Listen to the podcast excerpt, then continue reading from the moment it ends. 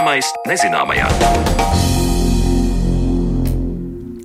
Esiet sveicināti raidījumu zināmais nezināmajā un Sandra Kropa kā ir šajā laikā kopā ar jums. Un šodien, lai raidījumā pievērstos tam, cik viegli veidojas dažādi stereotipi un kā mediji un citi, kuros ieklausās, itin viegli apzināti vai neapzināti var palīdzēt tos izplatīt.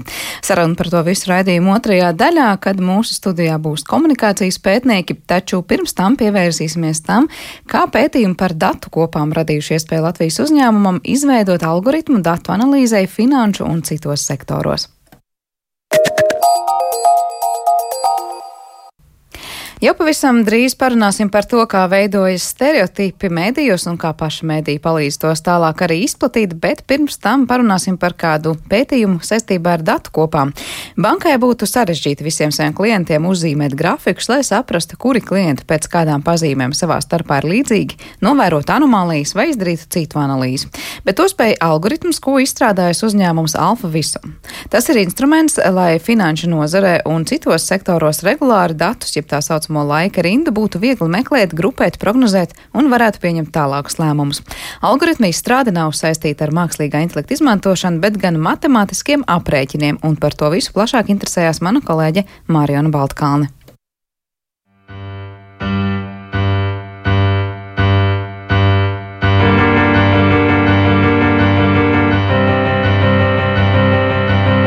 Rindas dati ir um, dati, kas veidojās noteiktā laika posmā ar um, kaut kāda veida atkārtošanos. Piemēram, bankas uh, fiksē jūsu konta atlikumu katra mēneša beigās. Un tad gada griezumā bankai ir 12 dati par jums katra mēneša beigās, kāds bijis konta atlikums. Un tie ir dati, kas ir sakārtoti secīgi pēc uh, laika, sākot ar vēlāko uz jaunāko. Ir kaut kādas citas vēl jomas, kur mēs to varam sastapt. Jā, laika rinda dati vispopulārākie un biežāk sastopamie dati vispār pasaulē un sabiedrībā. Un ļoti populāri tagad ir arī dažādi IoT sektora dati, kur piemēram ir mājās sensori, kas fiksē temperatūru katru minūti, katru sekundi vai katru dienu. Ja? Tāpat ir arī mārketingā ļoti populāri laika rindu dati, kas parāda, cik katru dienu ir bijuši cilvēki apmeklējuši jūsu mājaslapu. Ja? Tā kā šādi laika rindu dati sastopami ik uz soļa. Par laika rindu datiem stāsta uzņēmuma Alfa Vīzum valdes priekšsēdētājs un viens no īpašniekiem Artis Zablotskis.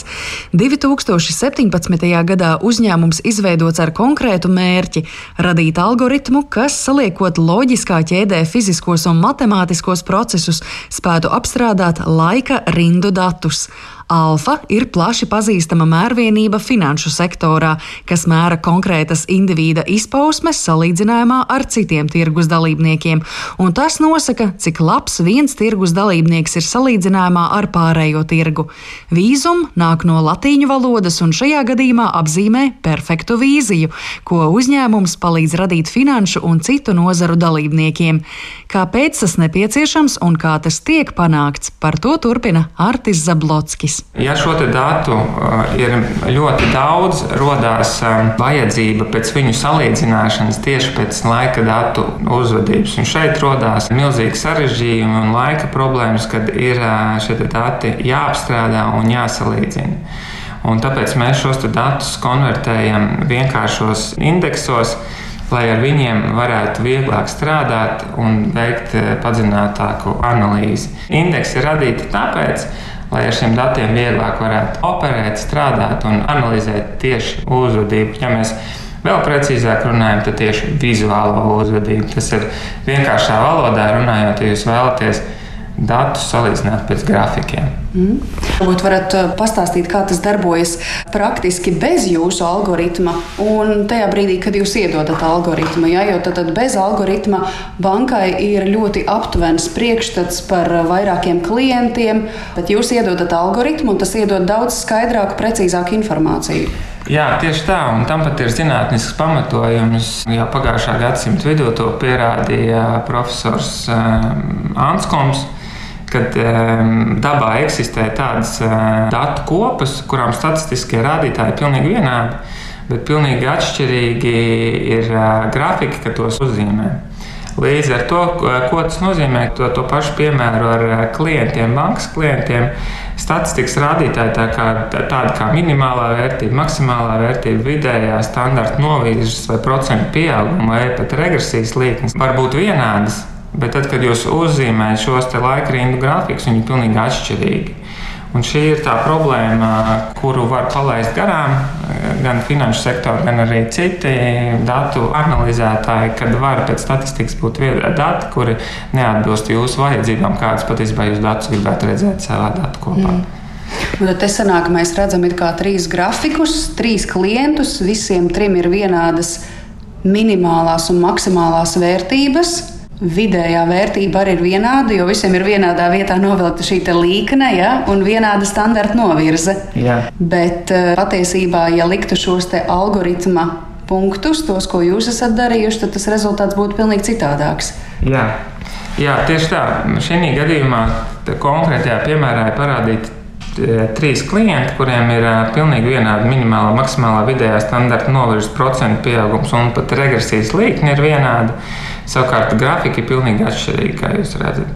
Tad, eh, lūk, šajā piemērā vienkārši pievienojot klāt mūsu risinājumu pievienoto parametru, šie klienti var tikt atšķirti. Viņi vairs no tāda bankas vai jebkura cita datu analītiķa viedokļa vairs nebūs eh, līdzīgi.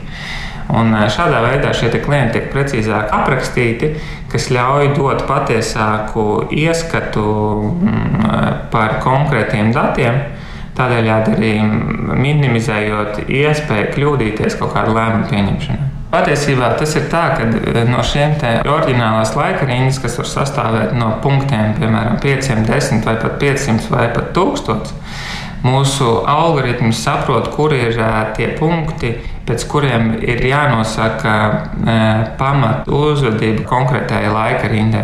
Respektīvi, šie punkti, kas nosaka kopējo laika rindas trendu. Tādā veidā, identificējot šos punktus, mēs noņemam punktus, kas varbūt tās nenosaka laikrīnas pamatbūtību, kā to sauc par troksni. Ja? Šādā veidā mēs saglabājam šo trendu un signālu un parādām tieši konkrētos laikrīnas uzvedību. Un tad tiek iegūts tāds mazliet citādāks grafiks, kas pašā kodolā būtībā parāda, kāda ir tā klienta tendence. Tā, ja? Vai tie ienākumi aug vai krītas, un ko bankai no tā secināt? Tieši tā. Mēs šo ordinālo laika rindu pārvēršam teksta vai ciparu formātā, uz kuru viegli paskatoties, ir skaidrs, kāda ir ordinālās laikrindas uzvedība. Mums patīk viņu saukt, ka tā ir miniatūra no ordinālās laikrindas. Ja, respektīvi, ja jūs paņemtu grafiku un uh, viņu saspiestu, tad arī šāds viņš te būtu. Mm. Un ir arī ciparu formā tas izsakāms pareizi, jo Jā. mēs redzam uh, grafiku, bet to visu var izteikt arī ar cipariem, kur attiecīgi katrs punkts apzīmē ciparu, un no tā var viegli izsacināt, kā tas grafiks izskatītos vizuāli. Tieši tā. Ja mēs paņemam, piemēram, kaut kādu V-veidu grafiku, kas ir sākotnēji ir um, grafiks augšā, ja pēc tam krīt lejā, un pēc tam ir atkal augšā, ja tad ciparu formātā tas būtu 4, 1, 4, ja, tas ir tāpatās, ja, un teksta formātā tie būtu vienkārši vienkārši cipariņi, kur bumbulīts būtu augšā, bumbulīts lejā un pēc tam bumbulīts atkal augšā. Patiesībā ir tā, ka tā mūsu tehnoloģija pati ir būvēta mākonī. Mhm. Jā, tad šis dati ar mūsu algoritmu, konkrētā klienta dati ar algoritmu satiekās mākonī, kur tiek veikts šis aprēķins. Un tālāk, ja piemēram banka saņem šo gala rezultātu, ko tālāk banka šo gala rezultātu var darīt? Viņi var darīt vairākas lietas ar viņiem likt savos riska novērtēšanas modeļos šo parametru kā atsevišķu parametru, kas palīdz viņiem precīzāk pieņemt lēmumus par klientu maksātspējām vai citām prognozēšanas metodēm. Tāpat arī banka var veikt dažni, dažādus darbus ar šo datu masīvu kā tādu, grupēt klientus pēc līdzīgiem, meklēt varbūt tās klientus, kuriem pēdējā gadā ir bijis pieaugušs trends jau uz, piemēram, tām pašām ieņēmumiem, ja, lai viņiem varētu veikt kaut kādus specializētus, konkrētus, mērķētus mārketinga pasākumus. Ja. Tāpat tās viņi arī varētu meklēt šajos datos piemēram, anomālijas un detektēt klientus, kuri uzvedās varbūt pilnīgi atšķirīgi nekā pārējie. Tādējādi tas palīdzētu varbūt tās kaut kādiem nevēlamiem darbībiem vai noziedzīgu līdzekļu legalizācijas risinājumiem. Tā kā šiem paternu risinājumiem ir ļoti daudz pielietojumu. Un vēl par šo laiku, tad laika rindu dati. Tas laiks var būt gan mēnesis, gan pusgads, gan gads, atkarībā no tā, kādu laiku banka izvēlas. Jā, tieši tā. Tie laiki var būt dažni dažādākie. Jo ir, šeit ir ļoti svarīgi ir pievērst uzmanību tai pašai datu struktūrai, cik bieži šie dati veidojās. Ja mēs, piemēram, paņemam kaut vai salīdzinām ar kaut kādu akciju tirgu, ja, tad, piemēram, tur akcijas cena mainās katru sekundi. Un tur dati veidojās pa sekundē. Tas nozīmē, ka minūtes laikā jau ir 60 punkti, un tur jau nu, tā tālāk jau tur tūkstošos dienā aiziet. Tajā pat laikā bankai, ja jūs veicat kaut kādas banku pārskaitījumus vai transakcijas, jūs to nedarat katru dienu. Jūs vienā dienā veicat kaut kādas pārskaitījumus, vienā dienā neveicat, tad ātrāk veicat. Tur ir jēga droši vien skatīties pa kaut kādu nedēļas griezumiem vai mēnešu griezumā, ja šos datus. Tā kā šie laika intervāli var būt dažādi, piemērojami, un kas ir ļoti svarīgi, kad ar šiem datiem pēc tam var skatīties ne tikai nogriezni, kurā jūs skatāties šo datus, bet pēc tam arī pavērot, kas notika pirms tam vai kas notika pēc tam. Ar šo te tehnoloģijas palīdzību jūs varat arī mēģināt saprast, kāpēc šobrīd ir tāds grafiks, vai kas notiks pēc šī grafika. Jā. Mm.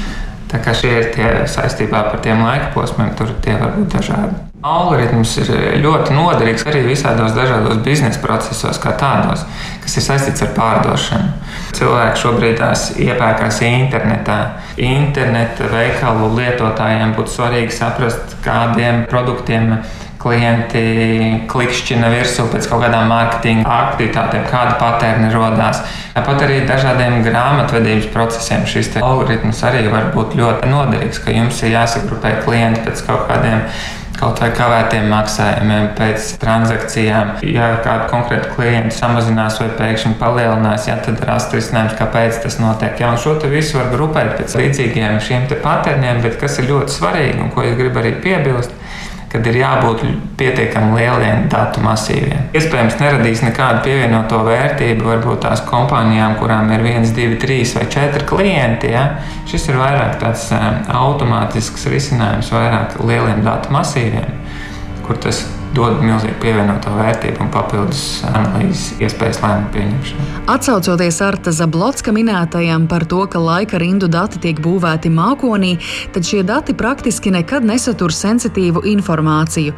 Bankai vai citam uzņēmumam pašiem ir savi identifikātori, kā atpazīt klientus, tāpēc, ja laika rindu datus tomēr iegūtu kāds cits cilvēks, tie konkrētajam cilvēkam neko neizteiktu.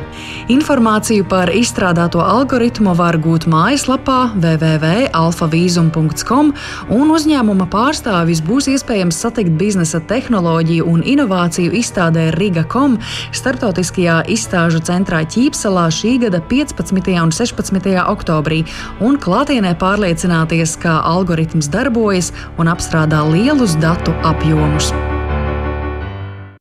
Par jaunradīto algoritmu laika rindu datu apstrādēju un tā praktisko nozīmi stāstīja uzņēmuma Alfa Vīzuma valdes priekšsēdētājs un viens no īpašniekiem Artis Sablotskis, un ar viņu tikās mana kolēģa Marijana Baltkalna. Bet šķiet, ka vesels algoritms ir arī veids, kā stereotipi sabiedrībā veidojas ar mediju starpniecību, un par to visu tad arī mēs parunāsim raidījuma turpinājumā.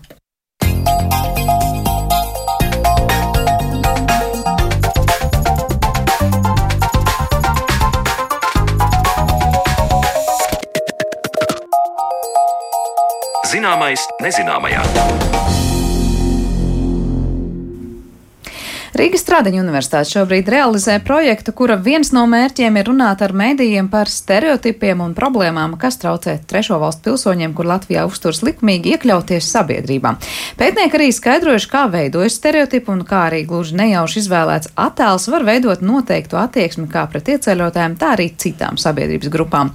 Par to, kāda vara mēdījiem un citiem viedokļu un attieksmi veidotājiem tad ir mūsu pašu priekšstata konstruēšanā, mēs šodien runāsim raidījuma atlikušajā daļā, kad pie mums studijā studijā viesojas Rīgas Tradiņu Universitātes asociētā profesora un studiju programmas komunikācija un mediju studijas vadītāja Ilva Skulti. Labdien! Labdien! Un šīs pašas augstskolas studiju programmas fotografija vadītājs un docents pētnieks Al Alnis Stakle. Labdien! Labdien! Uh, cik aktuāli šobrīd vispār mēs Latvijā varam runāt par to, ka veidojas stereotipi tieši pret nu, tā saucamo trešo valstu pilsoņiem? Tad, kā jāsaka, tas nav nekāds stereotipizēts apzīmējums, tas ir tātad valstis, kas ir ārpus Eiropas Savienības, ārpus Eiropas ekonomiskās zonas. Vai tas ir tāds atsevišķs tematu bloks, pat varētu teikt, par ko runāt? Es domāju, ka noteikti jā. Un tas varētu būt saistīts gan ar tādām dziļākām saknēm kultūrā, kuras iespējams mums šobrīd jāmaina, jo globalizētajā pasaulē mēs principā ikdienā saskaramies ar migrācijas radītiem jautājumiem. Tā. Es viņus negribētu obligāti iezīmēt negatīvi un saukt par problēmām, bet šie jautājumi ir. Es domāju, ka jebkuram iedzīvotājam, tā arī politiķiem, bet vēl jau vairāk mēdīju cilvēkiem, respektīvi žurnālistiem, būtu jādomā par to, kā uh, atspoguļot šos procesus tā, lai tie neradītu negatīvas sekas. Tā kā mums ir problēmas tajā, kā atspoguļojam. Es teiktu, tas bija mūsu pētījuma, un arī mums bija tāda plaša apmācības programma žurnālistiem. Uh, galvenais mērķis. Mm -hmm. Nekā no attēlu perspektīvas skatoties, kā grēkojumu un negrēkojumu.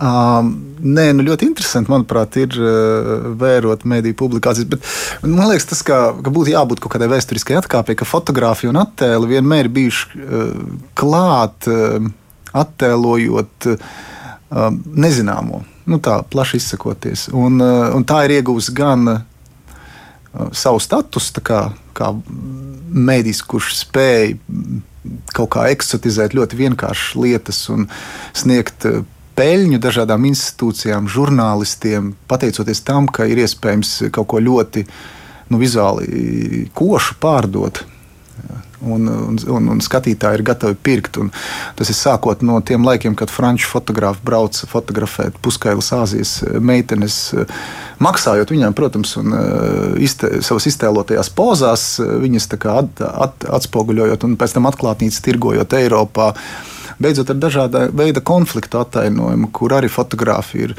nu, ļoti labi pelnījuši. Tā pašā laikā veicot ar ļoti sociāli atbildīgu uzdevumu, informējot un stāstot par kaut kādiem notikumiem. Un, um, Un tā fotografijas vēsture ļoti savijusies ar citādu attainojumu, ja tas citādais vispār nu, arī drusku diskriminējošs um, kaut kādā mērā termins. Bet var tā izmērīt, nu, kuram ir lielāks spēks, kas skatoties uz virsrakstu vai fotografiju, jebkuru attēlu mums uzrunās un to attieksmi veidos spēcīgāk. Nu, Gribu teikt, nu, droši vien, ka tā ir bilde. Bilde, bilde būs triggeris, lai uzspiestu, nu, pievērst uzmanību. Tas arī ir vēsturiski. London Illustrated News tāds, vai Graphic News bija tās kādreiz izdevums, kurš ļoti forši pieaudzēja desmit gados, desmitkāršoja tirāžu.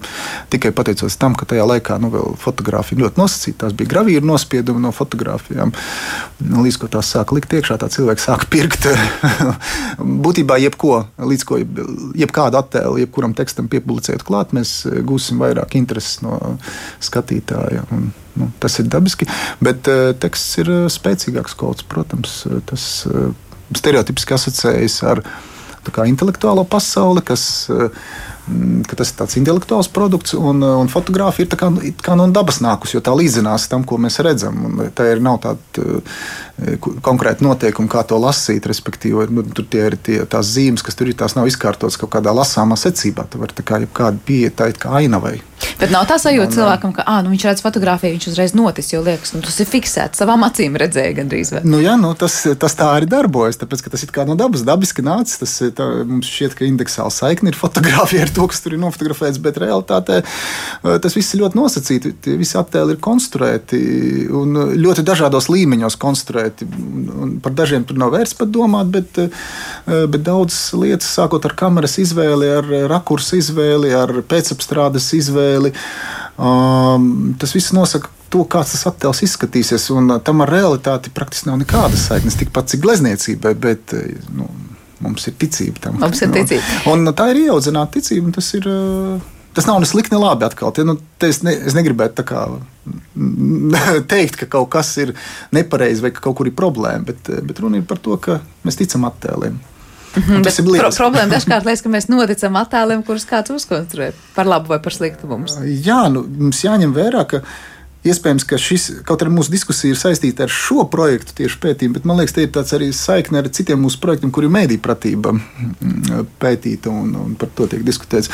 Jo šeit ir svarīgi tas recepents, kurš lasa tos attēlus, un ir svarīgi, lai, lai viņš vai viņa būtu gan izglītot, lai spētu saprast to, ka katrs attēls ir konstruēts, kā tas ir konstruēts, ka pateicoties tam attēlam, institūcijas un indivīdi pelna. Un tas ir viens no primāriem iemesliem, kāpēc tie attēli nonāk pie kaut, kā, kaut kādos plašsaziņas līdzekļos. Un, protams, vēl tiek nu, vairots kaut kāds simboliskais kapitāls vai, vai, vai, vai gūt kaut kādi, nezinu, politiskas komunikācijas vai tādas sociāli kaut kāda aktīvisma ietvaros. Uh, kaut kas tiek komunicēts sociālajos mēdījos, piemēram, lai gūtu kaut kādu atbalstu. Piemēram, kad mēs redzam Baltkrievijas attēlus ar sadauzītiem ķermeņiem. To, to komunicē bieži vien ne žurnālisti. To stāsta vienkārši normāli cilvēki, kas ir cietuši. Bet daļa no tiem, kas stāsta, visdrīzāk arī pievērš sev uzmanību kaut kādai savai institūcijai, savai politiskajai partijai. Iespējams, mēs to nezinām. Bet tas iet caur sociālo mediju kanāliem un, nu, un kā tādam gudram lasītājam, man liekas, mūsdienu cilvēkam jāspēj kaut kā šķirot to, kurš, kur, kur, kas, kāpēc notiek. Mēs vienmēr to neuzzinām, bet. Eh, es domāju, jā. ka Ilva varētu. Jā, es biju Ilvai prasīt, kā jau nevēl izskanēja tas, ka nu, tas teksts varbūt ir tas, kas to, to attieksmi veidos vairāk nekā tā bilde, lai gan uzmanību pievērsīs vairāk tā bilde. Nē, nu man liekas, ja mēs runājam zinātniski, tad šeit būtu galvenā uzmanība jāpievērš faktam, ka komunikācijā vienmēr cilvēki pirmkārt izvēlās. Viņi atlasa informāciju no kaut kāda plaša potenciāla informācijas klāsta, Uh, un otrs solis, viņi kaut kādā veidā izvēlās arī tos līdzekļus, un veidus, un skatu punktus un leņķus, kādā viņi to darīs. Un tas notiek vienlīdz daudz vizuālākā, verbālā un arī skaniskā. Tas šobrīd ir par satura veidotājiem vai par uztvērējiem? Tas, tas īstenībā uh, ir par satura, šobrīd par satura veidotājiem, respektīvi tas var būt uh, jebkurš cilvēks, kurš veido vienkārši pats savu stāstu par to, ko viņš ir redzējis, un tas var būt arī žurnālists, kurš ar pavisam citu izglītības bagāžu montāžu profesionāli eh, veido vēstījumu par kaut ko, ko viņš varbūt nav redzējis, bet ko viņš ir izpētījis. Ja mēs ideāli skatāmies uz pasauli, tad žurnālistam būtu vajadzīgi eh, nu, vismaz nedaudz laika, eh, lai viņš varētu izpētīt tos jautājumus, par kuriem viņš runā. Un tad, zinot jau šo, par ko es tagad runāju, ka tas otrais solis pēc atlases reprezentācija, viņš, viņam vajadzētu mēģināt pēc iespējas neitrāli, objektīvi, precīzi un informatīvi stāstīt par to, par ko viņš stāsta.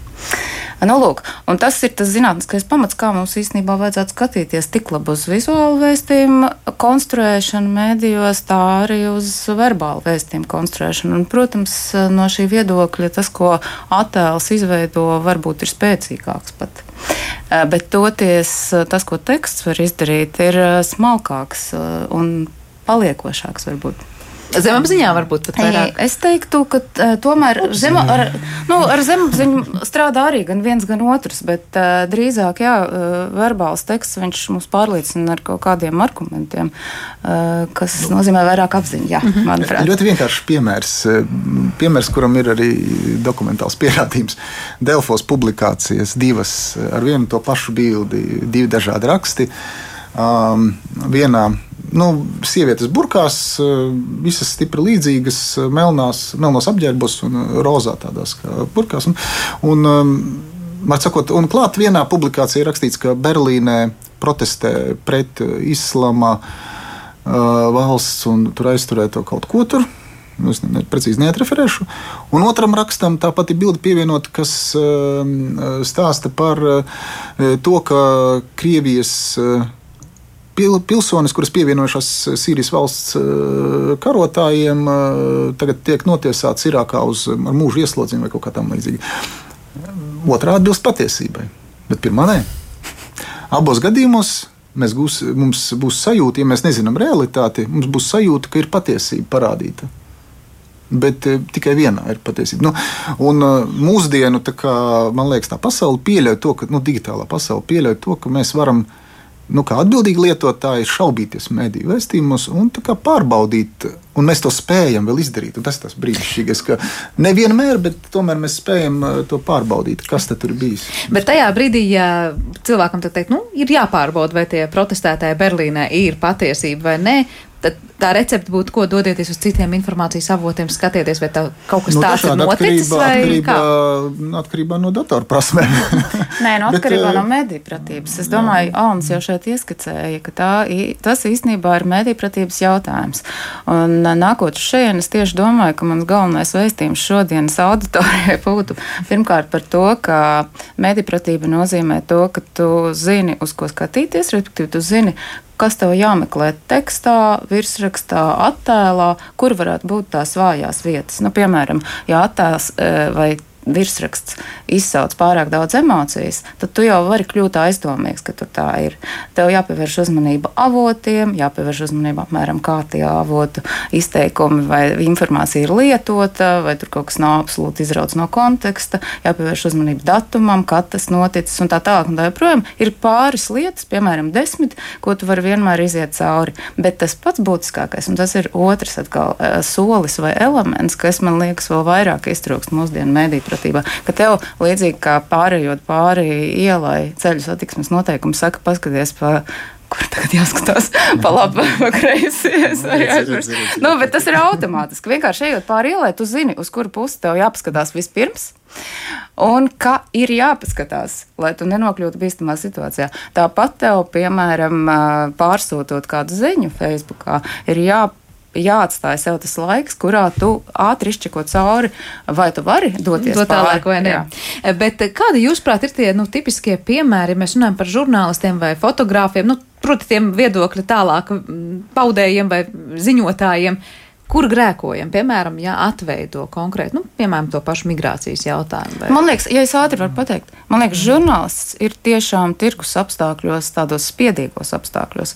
Viņam no vienas puses e, ir jāpasaka, lūk, godīgi, precīzi, objektīvi, neitrāli un tā tālāk, kā es iepriekš uzskaitīju, uh, ko īstenībā arī plus mīnus mēs visi ticam, ka tā notiek un, un zinām, ka tā vajadzētu. Bet otrs, ka viņam ir jāpārdod savus produktus. Un tajā brīdī viņš ļoti bieži izšķirās, piemēram, kaut ko nedaudz iekrāsot emocionāli, un līdz ar to veidojās stereotipi. Nu, es domāju, ka tādā attēlu ziņā tur grēku ir daudz, bet nu, primārais, kas man liekas, ir nu, attēla aprakstu nesamība. Mm, lielā vairumā mediju. Ne par sabiedriskiem šobrīd runāju, bet tas, tie, kas ir vairāk nu, tādi komerciālāk orientēti un kuri pārtiek no klikšķiem, bieži vien attēlam nav apraksta. Lai gan mēs zinām, ka, lai fotogrāfs, profesionāls fotogrāfs atdotu attēlu bankā, kādu attēlu, kā žurnālistisku reportāžu, tad tur vienmēr ir apraksts gan notikums, laiks, vieta Eh, cilvēki, ja tur ir identitāte atpazīstama, tad tās identitātes ir mm, iespēja robežās eh, raksturotas, un tu attēlu bankā, no kurienes tu ņem to attēlu kā vizuālais redaktors. Tu vienmēr to dabū. Un, eh, kāpēc tas nav mēdījos? Tas ir dīvaini. Un tīpaši, ja, mēs, ja mēs runājam par migrācijas attainojumu, kur ir kaut kādam sociālās atstumtības riskam apdraudēts cilvēku grupas, tiek attainotas. Un tā skaitā arī Latvijā, piemēram, Romi. Mm, Tu arī pietiek gadījumu, kad rakstos par Romu kaut, kādām, kaut kādiem notikumiem saistībā ar Romiem Latvijā, teiksim, var no Rumānijas pievienot attēlu klāt. Nu, tas ir Tas es kā, to es esmu pats atradis, te, piemēram, TVNet. Un, eh, tad, tur būtu svarīgi godīgi raksturot, kas tajā attēlā ir.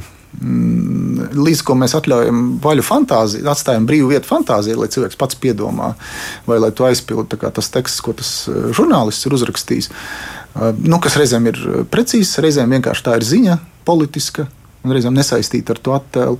Un tad parādās draudi, ka mēs ļoti padarām uh, to cilvēku grupu tādu ar vienādām īpašībām, ar vienādiem uzvedības modeļiem, tādus visus tādus nu, melnus un briesmīgus. Bet uh, tur ir normāli cilvēki, tādi paši kā mēs, ar uh, dažādiem, dažādām vērtībām, dažādām uzvedības uh, kādām. Pieejām stratēģijām dzīvē, un, un arī vēlmēm, ko darīt un kā, kā uzvesties. Un, un, ja mēs sākam stereotipizēt visus kā vienādus, tad nu, tā ir problēma. Mhm. Ilgi gribēju ko piebilst. Jā, Uh, es gribēju teikt, Anna šeit teica, ka mēs attēlojam to, kas ir piemēram, rakstā vai tajā ziņā minēts. Bet jautājums ir, kā mēs atkal konceptualizējam to, kas tad īsti ir rakstā pateikts. Jo no vienas puses mēs varam teikt, šeit ir pateikts kaut kas par, par kaut kādu faktu notikumu, kas reāli ir noticis. Un tad, protams, kad cilvēki sagaida un arī uztver ļoti bieži to bildi kā tādu, kas attēlo to konkrēto notikumu vietu, laiku un tā tālāk. Bet var arī teikt, šeit vienkārši ir attēlots, nu, piemēram, kā vardarbīgi izturās pret uh, Romu izcelsmes cilvēkiem. Ja? Un tad mēs ļoti vispārinājam, konceptuāli vispārinājam to, ko mēs varētu attēlot. Un šādi, man liekas, tās datu bāzes tiek lietotas uh, šurpu turpu, un tā ir tāda normāla praksa mūsdienu žurnālistā. Bet tajā konceptuāli vispārinot, tas ir jau vienādības zīme ar radījām stereotipu, vai ne? Um, nu, es domāju, ka žurnālisti ļoti bieži seko paši saviem stereotipiem, izvēloties tiešām ātrumā, tajā uh, redakcijas darbā, dunā, ja tā varētu teikt, vienkārši izvēlēties to bildi, kura viņam liekas visatbilstošākā. Šeit es teiktu to pēdiņās. Un šis visatbilstošākais arī ir saistīts ar to stereotipu, kas ir žurnālisti paša galvā. Tas ir svarīgi par migrāciju, tāpēc, ka īstenībā, ja mēs paskatāmies uz skaitļiem par migrāciju, tad tur uh, tā migrācija izskatās pavisam savādāk. Respektīvi, nevis obligāti migrants jāattēlo kā tāds, kurš ir noplīsis, noplūcis ar pauniņu uz muguras aiz dzeloņdrātīm, bet uh, drīzāk varbūt izglītots cilvēks, kurš meklē sev labu apmaksātu darba vietu attīstītās valstīs. Tur ir laikam tāda no vienas puses nebeidzamais saplis ar to, ka nu, tajā brīdī, kad satura veidotājs mēģina kaut ko ilustrēt, no vienas puses iet tādā pavadā, kā to visticamāk saprot vai izprot auditorija, nu, prot, ar ko tas vizuāli saistīsies. Tajā pašā laikā tādā veidā ļoti bieži auditorija jau saprot stereotipizēti, tad mēs turpinām to stereotipu kultivēt. Tā sanāk? Nu, redziet, man liekas, ka te ir jārunā par. Nu, par tiem, to rakstu vai, vai to publikāciju dziļumu. Teiksim, tās bieži vien ir ziņas, kurās ir atreferēts, ka lūk, rekur tik un tik, teiksim, tas politiķis mm. teica, ka mums tagad vajadzēs uzņemt tik un tik uh, no trešās pasaules valstīm iedzīvotājus, vai, un ka tur nav nekāda, ne, nu, nekāda pētījuma, nekādu Tur īstenībā nevar neko pielikt klāt. Tad atliek vienkārši pielikt to politiķu galvu. Vai arī kārtējo masu skatu, kā tur iet pāri laukam cilvēki. Un, Un visās situācijās tas būs vienkārši tā fotografija. Tur vairs nefunkcionē kā tāds stāstījuma elements, drīzāk kā tāda ilustrācija, kas ir vajadzīga, lai būtu klikšķis. Nu, te ir tā atšķirība, ka līdz ko tas būs pētnieciskāks raksts, tā tur būs arī nu, tie vizuālie materiāli, kuriem būs kaut kāda jēga saistīta ar, ar to stāstījumu. Mm, tajā mūsu pētījumā man liekas, viskorektākie materiāli bija reportāži, bet tādu bija ļoti maz. Patiešām reportāži no vietām. Nu, jā, nu, tas atkal tur arī, man liekas, tāds finansiāls jautājums, Protams, cik mēdī var atļauties braukt, vai ir pirkt. Un tieši tur, labi, tiešām reportāžā varbūt, nu tad arī tur būs redzējums tā žurnālisti vai reportieri redzējums par lietām, bet mums jau ļoti daudz apkārt satura ziņā ir tieši tās, kur ilustrācija ir mm. pievienots attēls. Un tur ir jautājums par to, cik viegli tur ir no vienas puses grēkot, no otras puses, nu tad taču varētu izvēlēties kaut ko atbilstošāku vai mazāk diskriminējošu vai mazāk stereotipizētu. Nu, bet tad, kad sastopies ar publikāciju, kurā raksta par ebolas, nu, tas nav par migrāciju, bet par ebolas uzliesmojumu Kongo, un klāt ir bilde no Sierra Leones, Tad, tad rodas tā sajūta, ko tad, uh, tas redaktors ir pīpējis tajā brīdī, kad, kāpēc viņš tieši no. Jo tas jau ir aprakstā, datubāzē tas ir pieejams. Nu, tik daudz jau var, kā, kā valsts tas ir nomainīt. slinkums, tas ir nezināšana, ne, tas ir kas jūs prāt. Es domāju, to nav iespējams atbildēt. Tas jājautā konkrētā, no. konkrētajam cilvēkam, kurš to izvēlas. Es domāju, tas varētu būt uh, jebkas no šī negatīvā nosauktā, bet tikpat labi mēs varētu teikt, tas ir arī spiediens tajā ātrumā, kurā mūsdienās žurnālistiem ir jāstrādā. Kā jau teicu, attaisnojums tam ir uh, koncepts, kad es, piemēram, vienkārši negribēju šeit attēlot to konkrēto notikumu, bet vienkārši dodu ilustrāciju līdzīga rakstura norisēm. Ja? Bet, nu, protams, nu, es arī negribētu attaisnot. Tāpēc arī mūsu projekts patiesībā ir vairāk vērsts tieši uz žurnālistu apmācīšanu un uh, uzmanības pievēršanu. Ko jūs mācāt šiem... tajā brīdī žurnālistiem? Nu, es, es īstenībā mācīju tieši mēdīpratību. Šajā projektā mans uzdevums bija um, pievērst uzmanību mēdīpratības jautājumiem. Un, um, nu, šeit es uh, tieši runāju par ko mēs šobrīd arī runājam, par mūsu pētījumu rezultātos atrast to par to, kā žurnālisti Latvijā atspoguļo, atspoguļojuši ir migrācijas krīzi 15. un 16. gadā.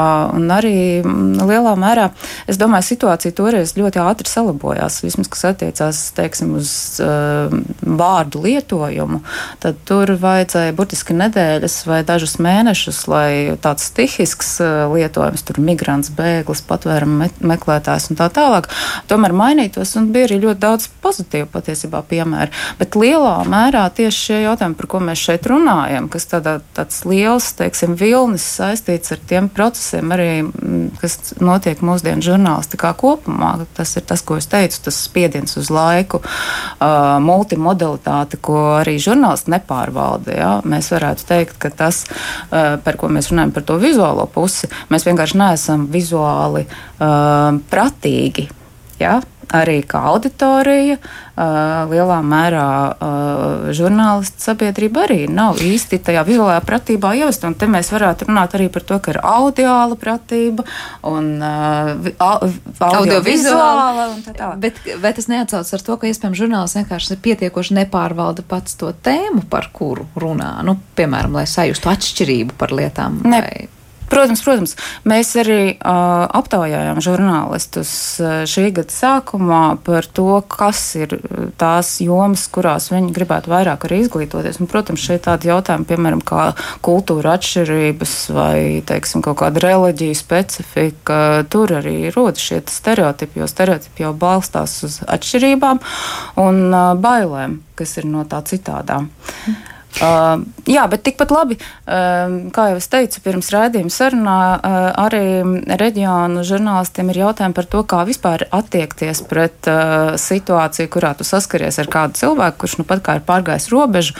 Un, uh, piemēram, austrumos, uh, Latvijas austrumos tā ir realitāte.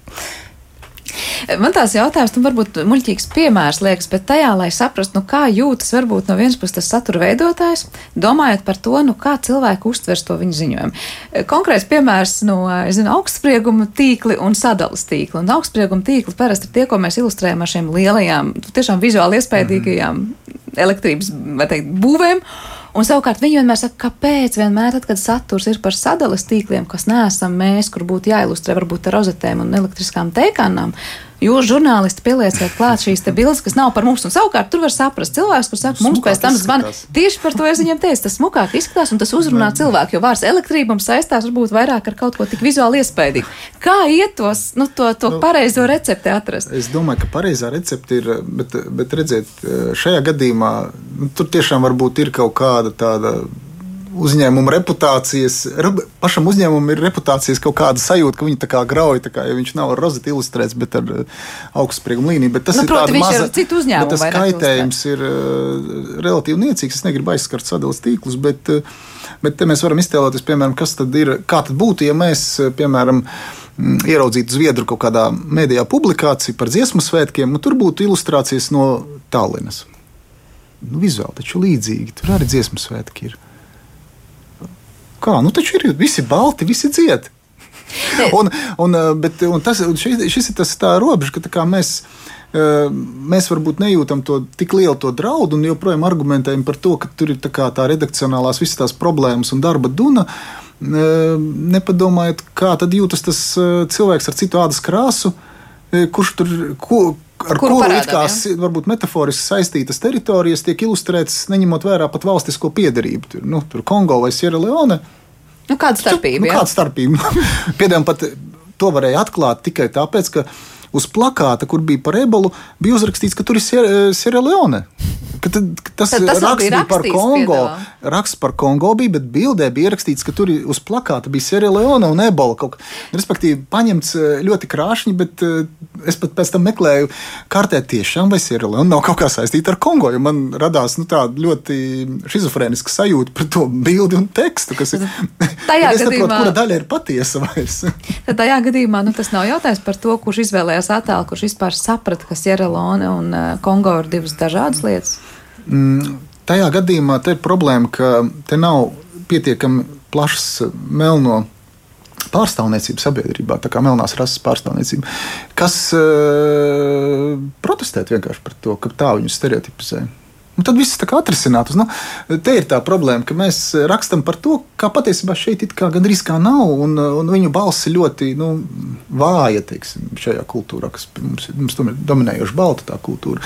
Līdz ar to neviens pat par to nedomā. Nu, jā, tur pielikām nu, Āfriku un Āfriku. Nu, pielikām, un, un, Tas es domāju, pat līdz tai domai, es domāju, līdz pat tai domai neaiziet.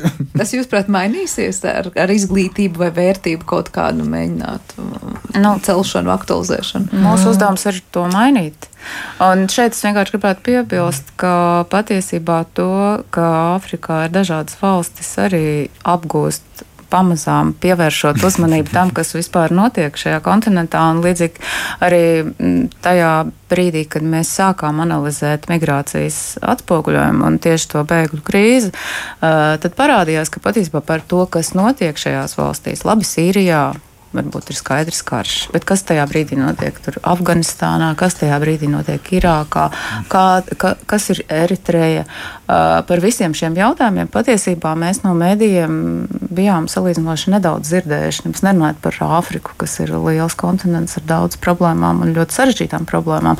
Tā kā es teiktu, mēs esam ļoti, varbūt mūsu žurnālistika, es teiktu tā, liek mums nokoncentrēties par ļoti šauru reģionu, par dažiem punktiem zemes virsū, par ko mēs ikdienā dabūjam ziņas, un par pārējo īstenībā ziņas un analīzi jau vairāk ir pavisam maz. Jā, jo vairāk ziņu, jo mazāk stereotipiem vietas, vai vismaz ma- netika izteikti. Tieši tā, jā, un tas arī sadala sabiedrību. Respektīvi, mēs nevaram tad vienoties, kā uh, mēs runājam par kaut kādu auditoriju, ja, kas ir nu, tur tūkstoši galvenais pūlis. Uh, bet tāpēc es minēju tās galvas. Galvās varētu būt arī dažādi koncepti par uh, jautājumiem. Kad, jo vairāk būtu zināšanu, jo vairāk cilvēku analizētu, jo vairāk viņi arī nevienotos ap stereotipiem un neveidot stereotipus. Noslēdzošais vārds, Elma, ir ko piebilst? nu, nē, es domāju, ka jau ļoti labi tā Rezumēju. rezumēja. Jā. Es vēl gribēju pateikt par sadalījuma tīklu. Uh, man liekas, ka uh, svarīgi ir uh, parādīt to rozeti, lai nedabūtu pa pirkstiem. Un tāpēc arī svarīgi dažreiz pievērsties tai konkrētajai lietai un attēlot to konkrēti, to mazo sīko un ne tik interesanto, jo tā varētu būt tieši saistīta ar lielākiem riskiem nekā tā. Ja, tur bija tieši otrādi, ka mēs grēkojam, ka tad, kad ir jārāda rozete, mēs rādām žurnālistos lielos skaistās elektrības kājas. jā, un savukārt es saku, bet tā ir cilvēks, kas pievērš uzmanību. Jebkurā gadījumā, cik garš, tik plats, mēs te varam, protams, daudz un diskutēt par to, kā un ko izvēlamies, bet, protams, ja konteksts ir konteksts un ziņa ir par kaut ko ļoti specifisku, tad tomēr jāievēro, laikam, kurš par to saka. Jā, es varētu tā kā tad beigās piebilst, ka varbūt eh, mēs varētu izvēlēties kaut kādu to vizuālo nezinu, stāstu patērēšanu, līdzīgi darīt. Kā mēs darām teiksim, ar savu ēdienu, kad mēs tā ļoti uzmanīgi izlasām etiķetes un visu menu un uh, pārbaudām, ko tad mēs tur ēdīsim, cik ekoloģiski un kā, kā tas taps. Un tad, kad mēs eh, patērējam vizuālus stāstus, kas ir intelektuāls produkts un ar ko mēs dalāmies, varbūt tā, kaut vai tādu līdzīgu. Labs pie, salīdzinājums ar ēšanu, vēl tā informācija arī, kā ēdies un domājam, ko ēdam un, un vai tiešām visu ēdam. Paldies jums par šo sarunu. Rīgas Tradiņu universitātes asociētā profesora un studiju programmas komunikācija un mediju studijas vadītāja Ilva Skulti un šīs pašas augstskolas studiju programmas fotografija vadītājs un docents Alnis Stakla šodien pie mums viesojās raidījuma studijā. Ar to arī raidījuma zināmais nezināmē ir izskanējis, par to parūpējās producents Armīta Kolāte, mūzikas redaktors Girts Bišs, skaņu režijā bija Ivets Zvejniec un studijā Sandra Kropa. Uz tikšanos!